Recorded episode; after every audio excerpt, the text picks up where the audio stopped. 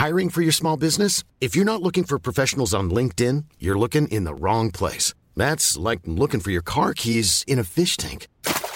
LinkedIn helps you hire professionals you can't find anywhere else, even those who aren't actively searching for a new job but might be open to the perfect role. In a given month, over 70% of LinkedIn users don't even visit other leading job sites. So start looking in the right place. With LinkedIn, you can hire professionals like a professional. Post your free job on linkedin.com slash people today. Burrow's furniture is built for the way you live. From ensuring easy assembly and disassembly to honoring highly requested new colors for their award-winning seating, they always have their customers in mind. Their modular seating is made out of durable materials to last and grow with you. And with Burrow, you always get fast, free shipping. Get up to 60% off during Burrow's Memorial Day sale at burrow.com slash ACAST. That's burrow.com slash ACAST. burrow.com slash ACAST. Hey, it's Danny Pellegrino from Everything Iconic. Ready to upgrade your style game without blowing your budget? Check out Quince. They've got all the good stuff, shirts and polos, activewear, and fine leather goods, all at 50 to 80% less than other high-end brands. And the best part? They're all about safe, ethical, and responsible manufacturing. Get that luxury vibe without the luxury price tag. Hit up quince.com slash upgrade for free shipping and 365-day returns on your next order. That's quince.com slash upgrade.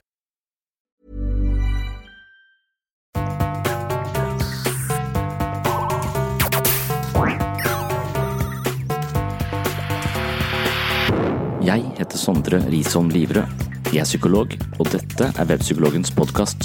Hverdagspsykologi for fagfolk og folk flest.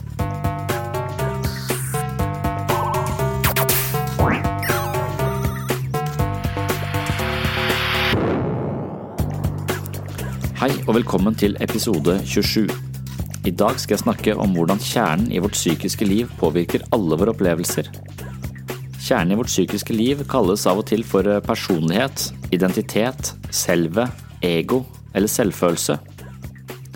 Kjært barn har mange navn. Hva vi kaller det er kanskje ikke så nøye, men hvordan denne kjernen styrer våre tanker, følelser og handlinger er ganske viktig å legge merke til. Av og til er vi fanget av et ego som pisker oss gjennom livet uten pauser. Det krever at vi presterer på vårt beste hele tiden, og overdrevent høye krav gjør at det blir vanskelig å nyte livet. I denne episoden skal jeg først snakke litt om mekanismene i vårt ego. Deretter skal jeg vende meg mot det som kalles for flink pike-syndrom. Det er sånn at store deler av våre psykologiske drivkrefter ligger utenfor vår egen oppmerksomhet. Ofte er det slik at vårt eget indre liv er programmert på en måte som gjør livet mer slitsomt og anstrengende enn det strengt talt må være. Mye selvutvikling handler om å se seg selv utenfra. Det handler om å observere sinnets bevegelser og avkode automatiske mønstre som på en eller annen måte hindrer livsførselen vår. I hverdagen lever vi i takt med sinnets bevegelser uten å reflektere så mye over dette. En myriade av automatiske tanker, følelser og reaksjoner oppstår uten at vi legger merke til det. Noen ganger er det helt greit å leve livet på autopilot, men hvis vi ikke opplever livet som tilfredsstillende, kan det hende at vi må begynne å se på hvordan denne psykiske automatikken konstruerer opplevelsene våre. Når vi med bevisstheten undersøker vår egen bevissthet, skjer det en slags fordoblingsprosess. Vi er den som iakttar, og den som blir iakttatt på en og samme tid. Det er et pussig fenomen som kalles for selvbevissthet. Forholdet mellom selvfølelse, selvbilde, selve og ego er litt uklart, og på sett og vis bruker jeg begrepene litt om hverandre i denne podkasten. Jeg blander dem fordi de på mange måter refererer til det samme. Det dreier seg om vår grunnleggende fornemmelse av oss selv. Det er implisitte antagelser om hvem vi er og hva vi er verdt, og de har stor innflytelse på alle våre opplevelser. Poenget i denne episoden kommer i forlengelse av tidligere episoder. Det dreier seg om hva vi står tilbake med dersom vi avslører at den grunnleggende selvfølelsen vår, eller det grunnleggende egoet vårt, bare er en mental konstruksjon full av misvisende selvbeskrivelser som får lov til å diktere livet vårt. Hvem er jeg hvis jeg ikke er det jeg alltid har trodd at jeg er? Å underkjenne sitt eget ego, eller jeget sitt, kan virke som et slags mentalt selvmord når vi først og fremst kjenner oss selv i kraft av våre tanker, ideer, følelser og holdninger. Likevel er en slags opphevelse av ego den røde tråden gjennom både zen, buddhisme, sufisme og hinduisme. Innenfor disse tradisjonene vil mange mene at evnen til å degradere sitt eget ego er blant de mest effektive strategiene for å oppnå mental balanse. Når det er sagt, er dette konseptet ofte utsatt for misforståelser. Å snakke om et mentalt selvmord kan virke litt dramatisk, men i psykisk helse er dette en type av selvmord vi heier på. Et mentalt selvmord refererer til en gjennomgripende forandring i hvordan vi definerer og identifiserer oss selv. I denne sammenhengen handler det om en umåtelig innsikt i hvordan negative tanker, destruktive følelser og et ego i underskudd lurer oss inn i en konkurrerende og slitsom livsstil. Vi forstår plutselig at mye av angsten vår, uroen vår og tungsinnet vårt skyldes en forferdelig misforståelse av hva som gir oss verdi. Noen snakker om å skrelle av lag på lag av sin egen identitet, helt til man når et punkt hvor man besvarer spørsmålet Hvem er du? med Jeg er. Dette kan vitterlig virke både mystisk og fremmedgjørende. Den multireligiøse veilederen Eckhart Tolle begynte å leve den dagen han bestemte seg for å ta sitt eget liv. På kanten av livet fant Tolle en slags livreddende selvinnsikt som illustrerer betydningen av et mentalt selvmord. Jeg kan ikke leve med meg selv. Jeg kan ikke leve med meg selv. Denne setningen ble et viktig vendepunkt for Eckhart Tolle. I en tilstand av dyp fortvilelse, etter en vanskelig oppvekst og flere år med depresjon og følelsesmessig ubehag, begynte han å nærme seg selvmordet. Jeg kan ikke leve med meg selv, var setningen som langsomt ble et slags mantra i Tolles trøstesløse sinnelag. Men heldigvis oppdaget han at det var noe merkelig med denne setningen. Det var som om jeg og meg fremsto som to forskjellige personligheter eller instanser i hans indre liv. Hvem er denne jeg som ikke orker å leve med meg? ble et spørsmål Tolle brukte mye tid på. Er jeg to personer? Når jeg ikke orker å leve mer på grunn av all min smerte, hvem er det egentlig jeg vil ta livet av? Slike gåtefulle spekulasjoner ble Eckhart Tolles redning, det ble også inngangsporten til en dyp innsikt som endret hele hans liv. Hva var det egentlig Eckhart Tolle innså? Hva åpenbart seg i setningen som dukket opp i det fortvilte sinnlaget hans? Jeg kan ikke leve med meg selv. I dag er Eckhart Tolle en slags åndelig veileder som viser mennesker hvordan de er bundet til sin selvforståelse og verdensanskuelse på en måte som dypest sett hindrer personlig vekst og i verste fall opprettholder både stress og uro. Innsikten hans er enkel og komplisert på samme tid. Tolle var altså så jaget av psykiske plager og mental støy at han var på vei mot selvmordet. Selvfølelsen hans var på bånn men heldigvis oppdaget han at mange av de følelsesmessige plagene er et resultat av alle de negative ideene og tankene han har om seg selv.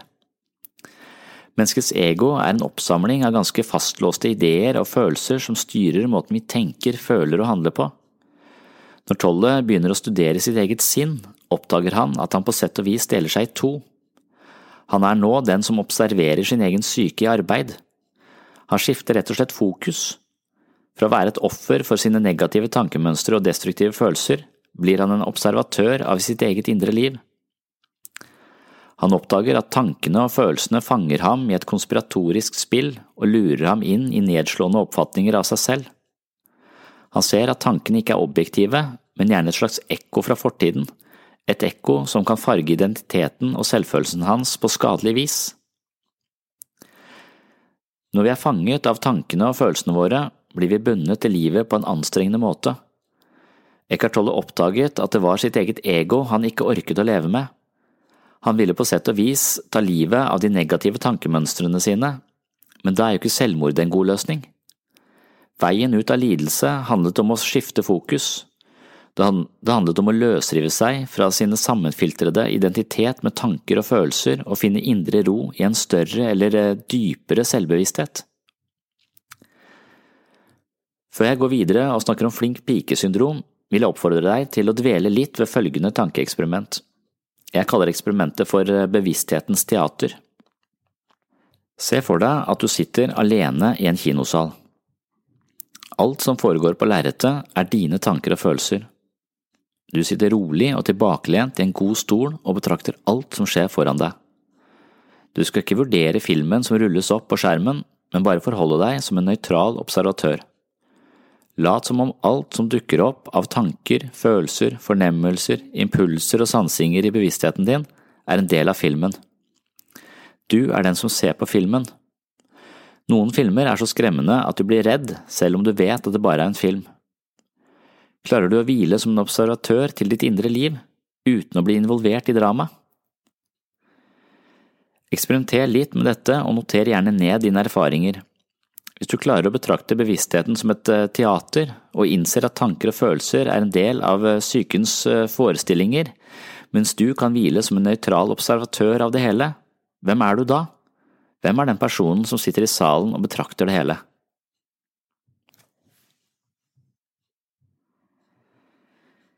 I jobben min som psykolog i psykisk helsevern møter jeg ofte mennesker som har forsøkt å ta sitt eget liv eller tenker mye på det.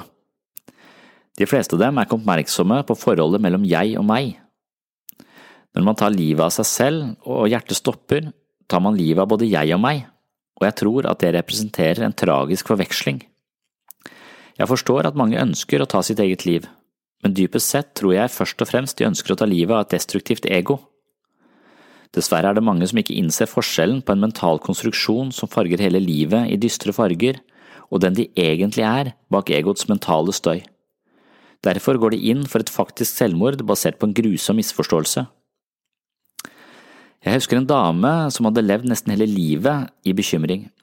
Hun het Lillian, og hun var bekymret for barna, mannen, verdensfreden, sine egne feiltrinn, syndige tanker og alt annet det er mulig å bekymre seg for. Til slutt orket hun ikke mer. Livet var altfor anstrengende. Jobb, mann, barn og hus hadde alltid vært drømmen. Nå var det et fengsel med vegger av krav hun aldri kunne rømme ifra. Hun følte seg konstant på vakt, hele tiden ute etter å hjelpe sine nærmeste, gjøre en god jobb, men uansett hva hun gjorde, følte hun seg utilstrekkelig. Gjennom hele livet hadde hun følt at hun var verdifull dersom hun presterte perfekt og var dannet og skikkelig på alle måter. Dersom hun ikke presterte godt nok, var det som om hun mistet sin verdi som menneske.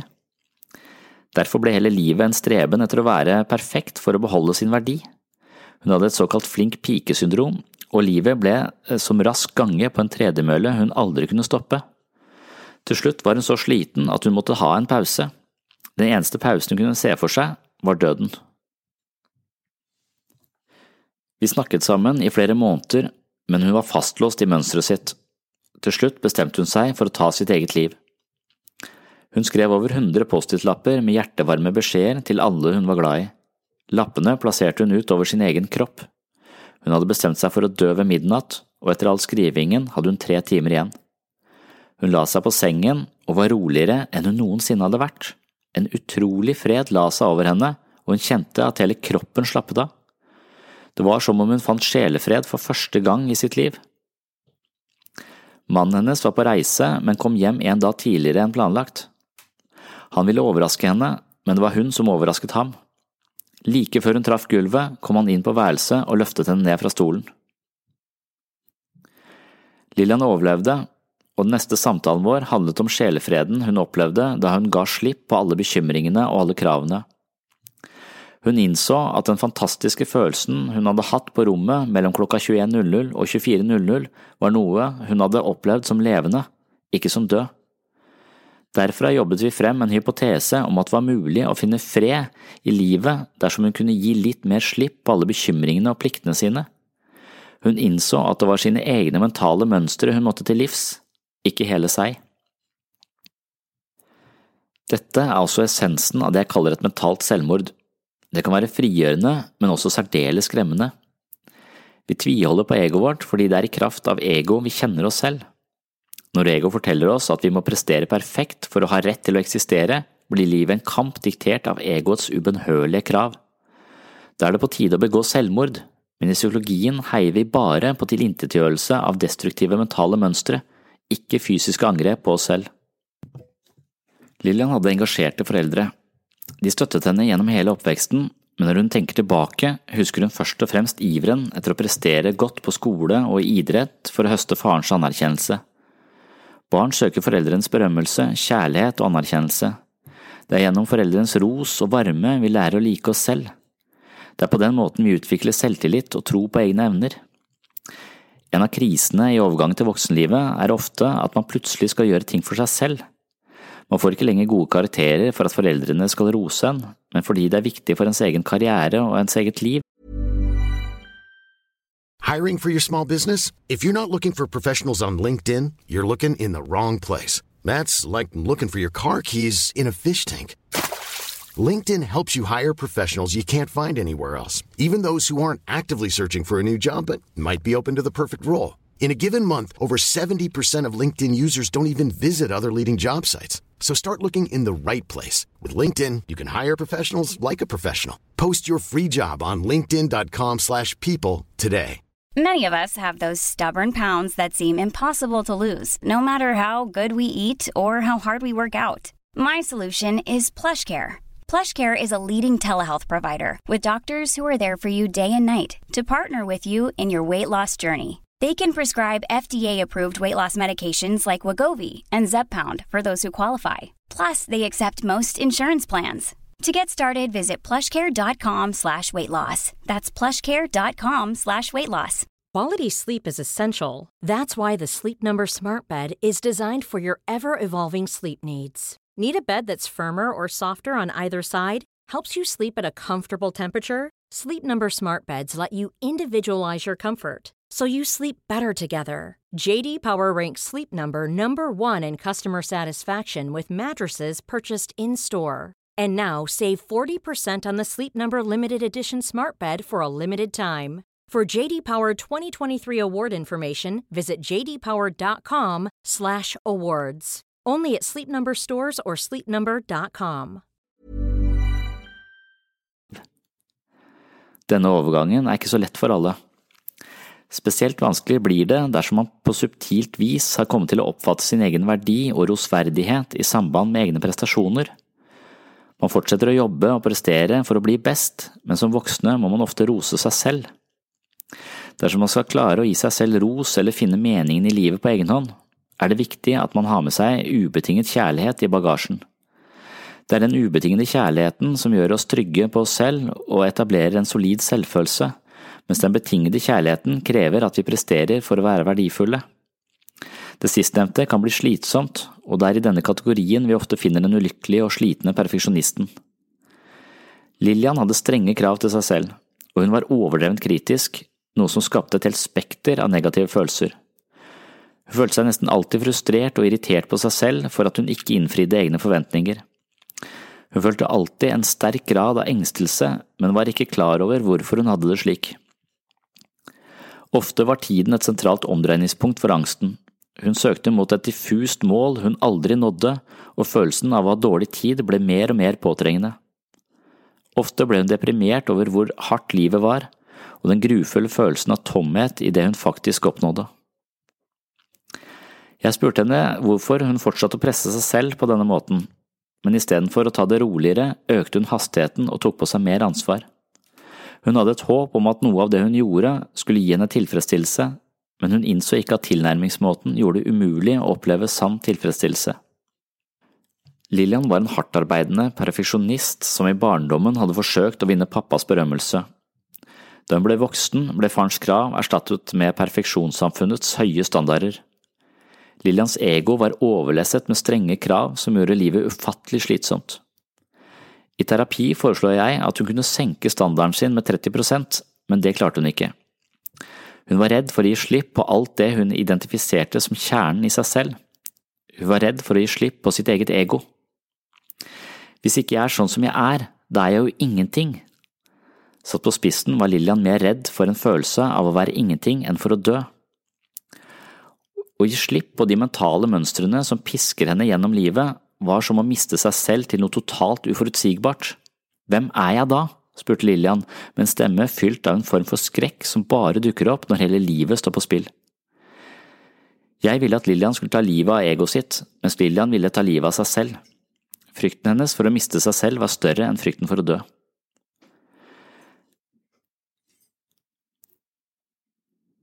Det er mulig å forstå Lillians frykt.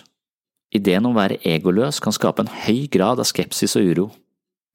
Det er i rollen som jeg vi fungerer som venn, samlivspartner, forelder, elsker, arbeidstaker, eier og alt annet vi er i livet vårt. Det er jeg som ligger bak all vitenskap, medisin og alle fremskritt som menneskeheten har skapt. Det er jeg som elsker, hater og bryr meg, og det er jeg som gjør verden til et sted å bo. Det er også jeg som er en perfeksjonist eller en udugelig taper. Tanken om å kvitte seg med den mest sentrale menneskelige konstruksjonen som finnes, selve operativsystemet i vår menneskelighet, er ved første øye ganske, eh, tvilsomt. Det er lett å forestille seg at det å oppheve ego vil føre oss inn i en hjernedød eller ubevisst tilstand drevet av instinkt og skjebne. For noen er altså denne forestillingen verre enn den absolutte død. Utviklingsmessig eh, sett virker det også direkte bakstreversk å gå fra et samlet jeg til en slags overgang uten en eh, definert kjerne. En annen innvending handler om hvordan en person som ikke baserer seg på ego som avgjørende operativsystem, egentlig kan håndtere sine hverdagslige livsprosjekter.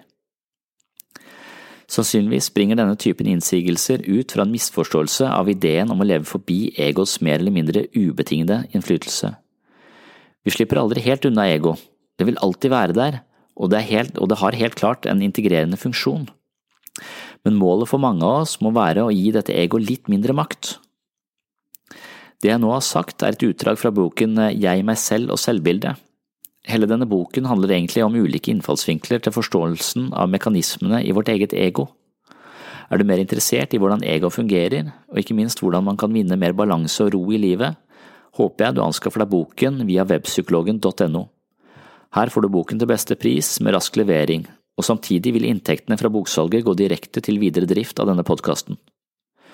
Nå avslutter jeg dagens episode med et utdrag fra et foredrag jeg holdt om forholdet mellom perfeksjonisme og faren for selvmord. Et, et viktig eh, eh element eh, når det gjelder eh, risiko for selvmord, eh, er eh, noe som Young og Klosko kaller for negative livsmønstre eller negative leveregler. Eh, og det henger sammen med en, eh, en eh, idé om at mellom de impulsene og de handlingene vi utfører, så ligger et slags fortolkningsverktøy. Vi har et repertoar av måter å fortolke oss selv og situasjoner på. Disse fortolkningsverktøyene måtene eh, kan være eh, svertet av eh, negative ideer vi har om oss selv. Og John Klosko snakker da om noen negative leveregler som rett og slett er de personene vi har vokst opp sammen med, uh, har uh, på en eller annen måte fortalt oss uh, at vi ikke er like gode som andre. Kanskje har vi fått mye kritikk, kanskje har vi blitt ignorert. det er mange måter å føle at man er mindre verdifull på. og og de erfaringene har på en måte avleiret seg i vår egen selvfølelse eh, og styrer mye av måten eh, vi eh, tenker, føler og handler på også senere i livet. Så negative leveregler er på en måte en skade man har fått i relasjon til sine nærmeste gjennom oppveksten, og på en måte forstyrrer den vår evne til å eh, se ting klart. Altså vi, eh, vi, tolker ofte ting med negativt fortegn eh, fordi at vi har en en grunnleggende idé om at vi ikke er like gode som alle, at vi alltid kommer til å mislykkes, eh, at vi ikke er verdt å elske osv. Så, videre. så dette er eh, på sett og vis en slags virus eh, på tanken. Young og Klosko kaller det negative leveregel, noen kaller det negative skript. Det er mange måter å, å se det på hvis man skal sammenligne mennesker med en datamaskin, så kan det hende at, denne, at, vi er født med selve hardwaren, vi er født med hjernen, men alt det eh, som vi bruker til å fortolke informasjon med, det er jo software. Og denne softwaren den er noe som er installert eh, fra vi eh, var små og opp gjennom hele livet.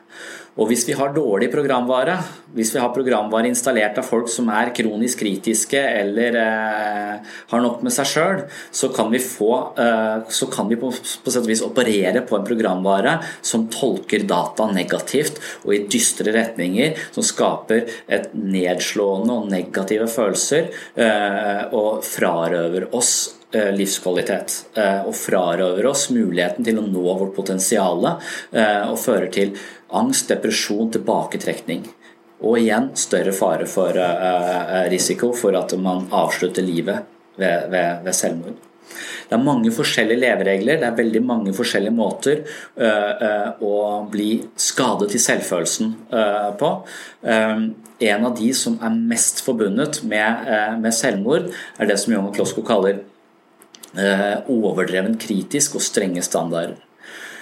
Her har du en form for supermennesker som lever på en idé om at de er nødt til å prestere perfekt for å være verdifulle.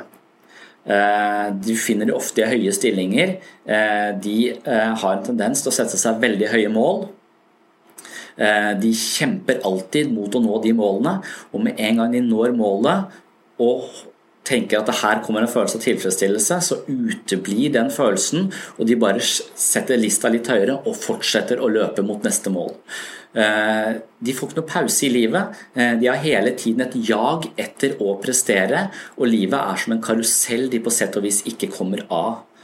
Eh, ifølge John Klosko har han veldig pedagogisk og gode forklaringer på, på hvordan denne typen psykologi kan oppstå.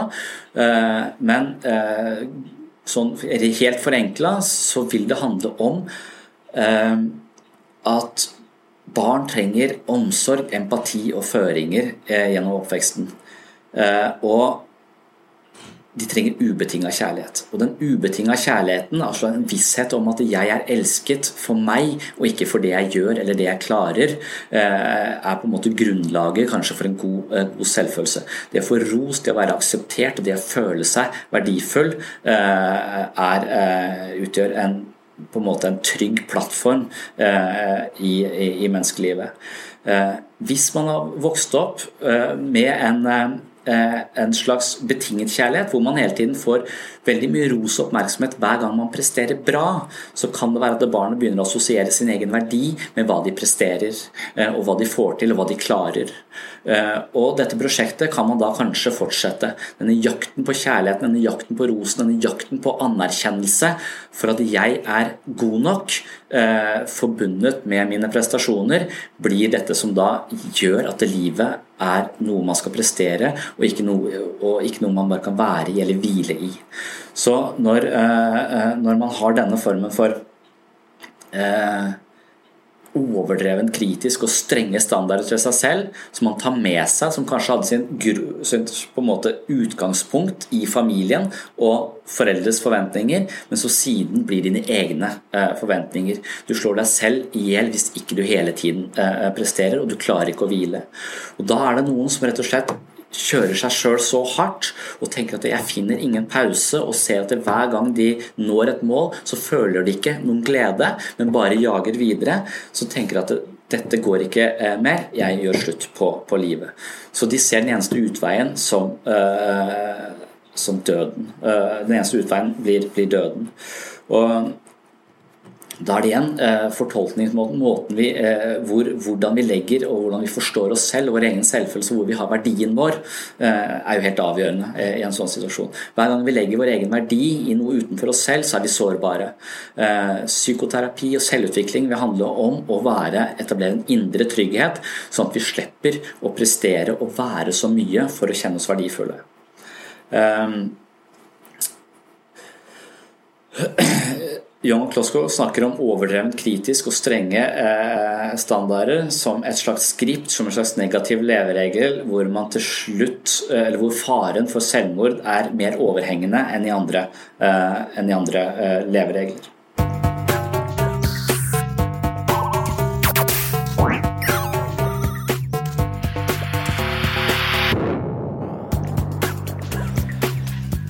Takk for at du hørte på Webpsykologens podkast. Likte du podkasten, hadde jeg blitt overmåte glad om du tok deg tid til å rate den i iTunes. Ellers håper jeg du følger med i neste episode. På gjenhør!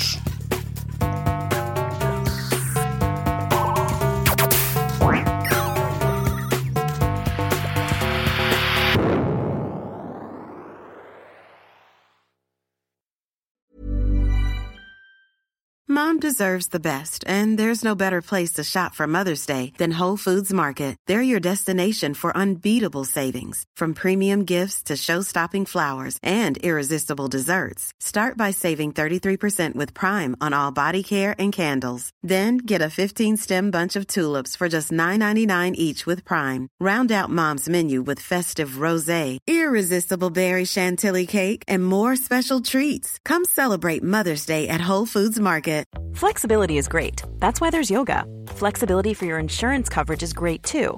That's why there's United Healthcare Insurance Plans. Underwritten by Golden Rule Insurance Company, United Healthcare Insurance Plans offer flexible, budget friendly coverage for medical, vision, dental, and more. One of these plans may be right for you if you're, say, between jobs, coming off your parents' plan, turning a side hustle into a full hustle, or even missed open enrollment. Want more flexibility? Find out more about United Healthcare Insurance Plans at uh1.com. Mom deserves the best, and there's no better place to shop for Mother's Day than Whole Foods Market. They're your destination for unbeatable savings, from premium gifts to show-stopping flowers and irresistible desserts. Start by saving 33% with Prime on all body care and candles. Then get a 15-stem bunch of tulips for just $9.99 each with Prime. Round out Mom's menu with festive rosé, irresistible berry chantilly cake, and more special treats. Come celebrate Mother's Day at Whole Foods Market.